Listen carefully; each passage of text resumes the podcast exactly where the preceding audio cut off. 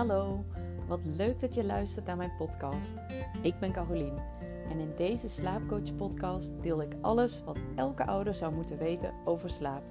Ik geef praktische tips, slaapoplossingen en adviezen zodat je jouw kindje kunt gaan helpen aan meer slaap en zodat jij zelf weer energiek en fit de dag kunt starten en weer volop kunt genieten van jouw gezin.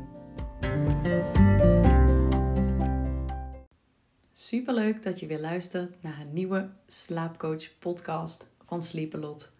Ik wil het vandaag met je hebben over slaapzakken en tochwaardes. Wat is dat nu precies? Waar moet je op letten? Hoe weet je welke slaapzak voor jouw kindje geschikt is? Mag je kindje al in een slaapzak slapen? Vanaf welke leeftijd? Nou, nog meer van dit soort vragen die ik vaak krijg, ga ik in deze podcast beantwoorden. Ik wil het vandaag met jou hierover hebben, omdat de zomerse dagen inmiddels echt achter ons lijken te zijn. De blaadjes beginnen al van de bomen te vallen. En dat betekent ook dat het weer kouder wordt, zowel buiten als natuurlijk in huis en ook op de slaapkamer van je kindje. Hoog tijd dus om in actie te komen en de zomerslaapzak van je kindje te vervangen voor een warmere slaapzak. Want wist jij al dat die temperatuur het slapen van je baby erg kan beïnvloeden? Je wil er natuurlijk wel voor zorgen dat je kindje het s'nachts behagelijk warm heeft in zijn bed.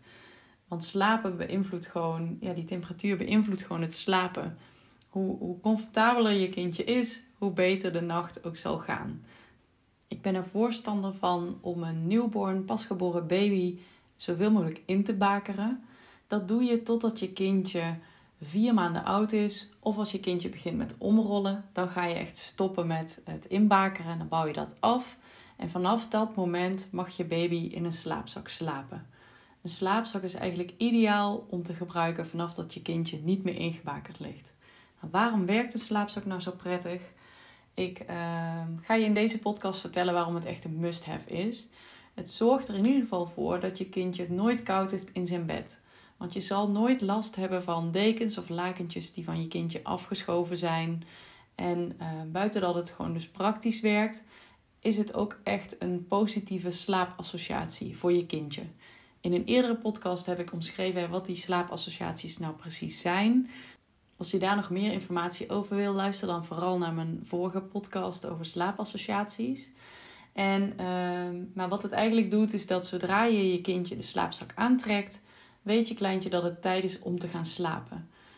Je kunt daarom de slaapzak ook het beste voor alle slaapjes overdag en voor de nacht inzetten. Zodat dat eigenlijk een constante factor is. Op het moment dat je kindje gaat slapen, gaat diezelfde slaapzak aan. Dat maakt het super duidelijk en daardoor zal het slapen ook makkelijker zijn. Dus makkelijker zijn om in slaap te vallen voor jouw kindje.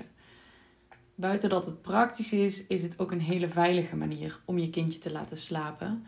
Vooral als je baby bewegelijk wordt en zich gaat verplaatsen in zijn bedje. Dat gebeurt echt al vrij snel nadat hij een aantal weken oud is dan is zo'n slaapzak super prettig. Je hebt gewoon geen gedoe met die lakentjes en dekentjes. Je houdt het bedje verder helemaal leeg. En dan is dat een hele veilige manier.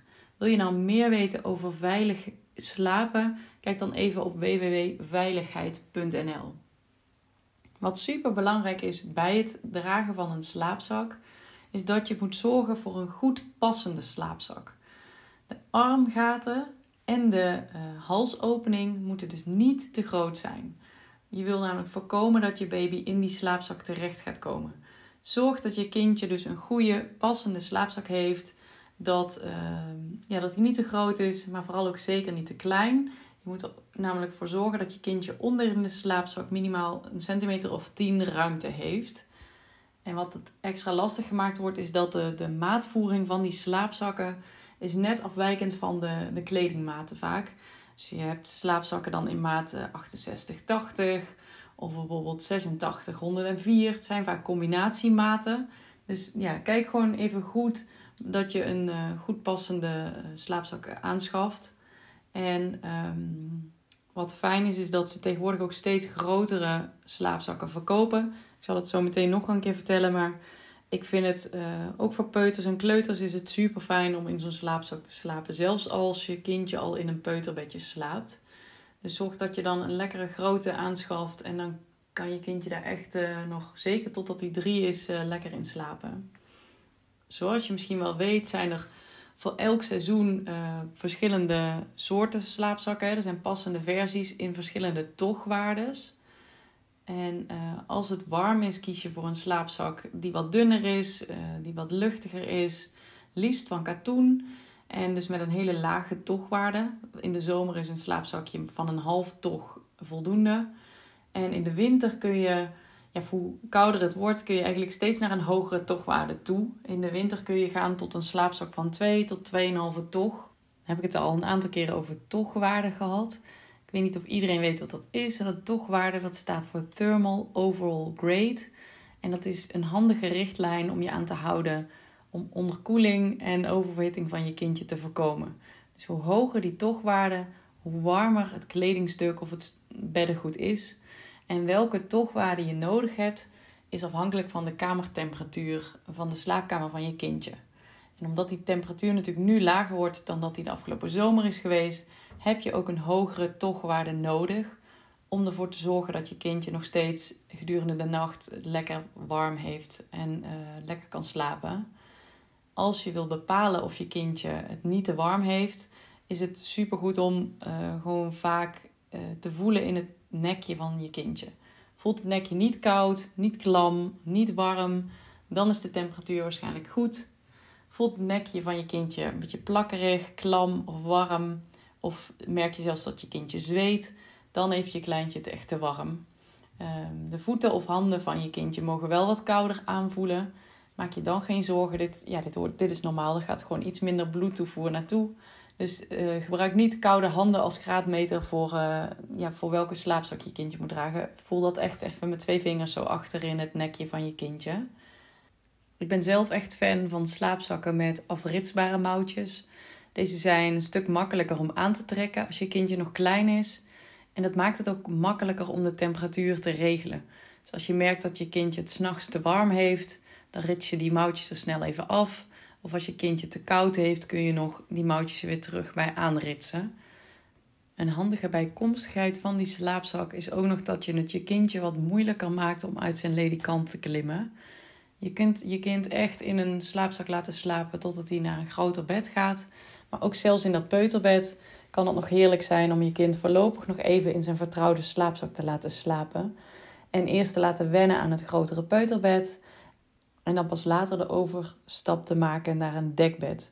Want ook dat is weer iets waar je kindje aan zal moeten wennen en waar misschien nog uh, mee geoefend zal moeten worden.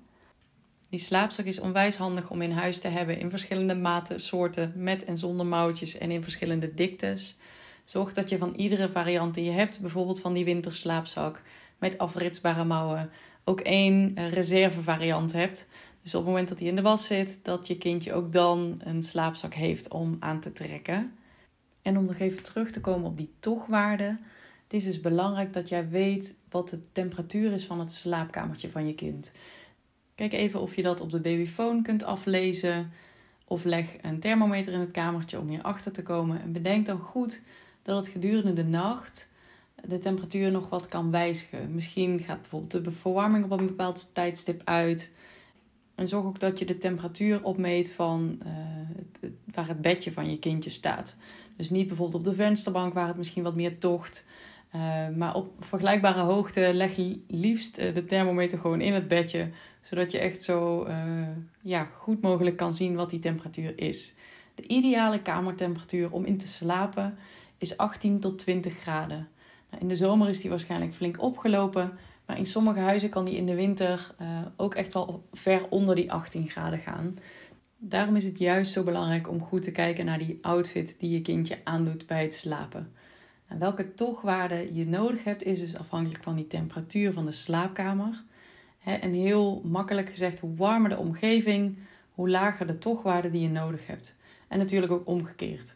Dus is het kamertje in de winter koud, heb je dus een hogere tochtwaarde nodig om ervoor te zorgen dat je kindje het lekker warm heeft. Die tochtwaarde van slaapzakken, dekens, inbakerdoeken en vaak ook van kleding vind je steeds vaker terug op het labeltje in de kleding. Dan staat er geen tochtwaarde op, dan kun je altijd even kijken op de website waar je het gekocht hebt, bij de productomschrijving of uh, even telefonisch contact opnemen met de verkoper om advies te vragen. Ik heb op mijn website www.sleepalot.nl/slash blog ook een uitgebreid blogartikel over die tochwaardes. Ik zal onder in de show notes even een linkje plaatsen naar dat artikel. Daar vind je een overzicht met tochwaardes van uh, generieke basiskledingstukken. Daar vind je de gemiddelde tochwaardes terug. En daarnaast heb ik ook in een overzicht weergegeven welke tochwaarde je bij welke kamertemperatuur, ja, welke aangeraden eh, wordt. Het is dus al met al best wel een puzzel om ervoor te zorgen dat je kindje de juiste hoeveelheid laagjes aan heeft in, in zijn bed. En die tochwaarde is ja, eigenlijk een handig hulpmiddel om ervoor te zorgen dat je de juiste hoeveelheid kleding voor je kindje kunt bepalen. Let er wel op, ik zeg hulpmiddel. Het is echt een richtlijn. Het is dus geen vast gegeven. Het kan best zo zijn dat jouw kindje het wat sneller warm heeft, of dat je kindje juist een koukleum is. Vertrouw gewoon op je eigen gevoel en blijf dus regelmatig de temperatuur van jouw kindje goed in de gaten houden door in zijn nekje te voelen. Bij pasgeboren babytjes, die kunnen hun eigen temperatuur nog niet reguleren. En dan is het extra belangrijk om ervoor te zorgen dat je kindje precies genoeg laagjes aan heeft om veilig te kunnen slapen. Elk kindje is echt anders, dus let goed op de warmteregulering van jouw kindje. En let er bovendien altijd op dat het bedje is opgemaakt conform de richtlijnen die gelden voor veilig slapen. Mocht je toch een lakentje en een dekentje gebruiken bij je newborn baby. Ik zal even een voorbeeld geven hoe je nou zelf die tochwaarde kunt berekenen. Je gaat dit doen door de tochwaarde van de kleding die je kindje draagt en de slaapzak die je kindje draagt bij elkaar op te tellen. En dan kijken we in de, in de tabel die je kunt vinden in mijn blog welke waarde uh, nodig is bij de kamertemperatuur van het kamertje. Dus stel de slaapkamer van je kindje is 19 graden. Dit heb je opgemeten met de babyfoon. Dan kun je je kindje maximaal kleden in 3 toch. Dat is dan eigenlijk al aan de iets hoge kant. Je kunt dan bijvoorbeeld kiezen uit een slaapzakje van 2,5 toch. Dat is een warm slaapzakje met mouwen. En een rompertje met lange mouwen van een halve toch. 2,5 plus een half is die 3 toch. Stel dat dit nu net te warm is voor jouw kindje of je wilt net anders eh, aanpakken, dan kun je ook bijvoorbeeld kiezen voor een slaapzakje van 1 toch. Een boxpakje, dat is zo'n pakje uit één stuk van 1 toch. En een romper met lange mouwtjes van een halve toch. Dan zit je op 1 plus 1 plus een half is 2,5 toch. Zo zie je al bij iedere kamertemperatuur heb je die gekoppelde tochwaarde van in dit geval bijvoorbeeld 3 toch. Dat kun je dus op verschillende manieren ja, eh, opsplitsen en, uh, en je kindje daarin aankleden. Dus je kan kiezen voor een dikker slaapzakje met bijvoorbeeld enkel alleen een rompertje erin. Of je kunt kiezen voor een dunner slaapzakje met bijvoorbeeld een rompertje en een pyjamaatje eroverheen in die dunnere slaapzak. Ligt er ook aan wat je, wat je in huis hebt, wat jouw kindje prettig vindt. En kijk vooral wat werkt. Ik doe zelf altijd, uh, maak even een uh, bewijs van een notitie in je telefoon. Bij 22 graden werkt voor uh, mijn dochter Annelot een rompertje zonder mouwtjes in deze favoriete slaapzak van haar. Dan kun je de volgende keer, hè, dan ga je vaak in de herfst heeft ze dat aan.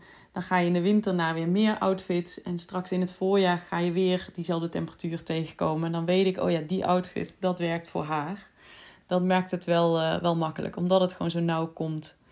Nou, ik hoop dat je uh, wat gehad hebt aan deze tips. Je hebt al gemerkt dat voor mij die slaapzakken, ja, zowel in mijn werk als slaapcoach, maar ook als moeder, is wel echt uh, ideaal. Echt een must-have wat mij betreft. Om die in verschillende soorten en maten in huis te hebben. Dus nou, wil je meer informatie? Check dan even mijn blog op www.sleepelot.nl slash blog. En uh, anders uh, zie ik je snel terug bij de volgende podcast.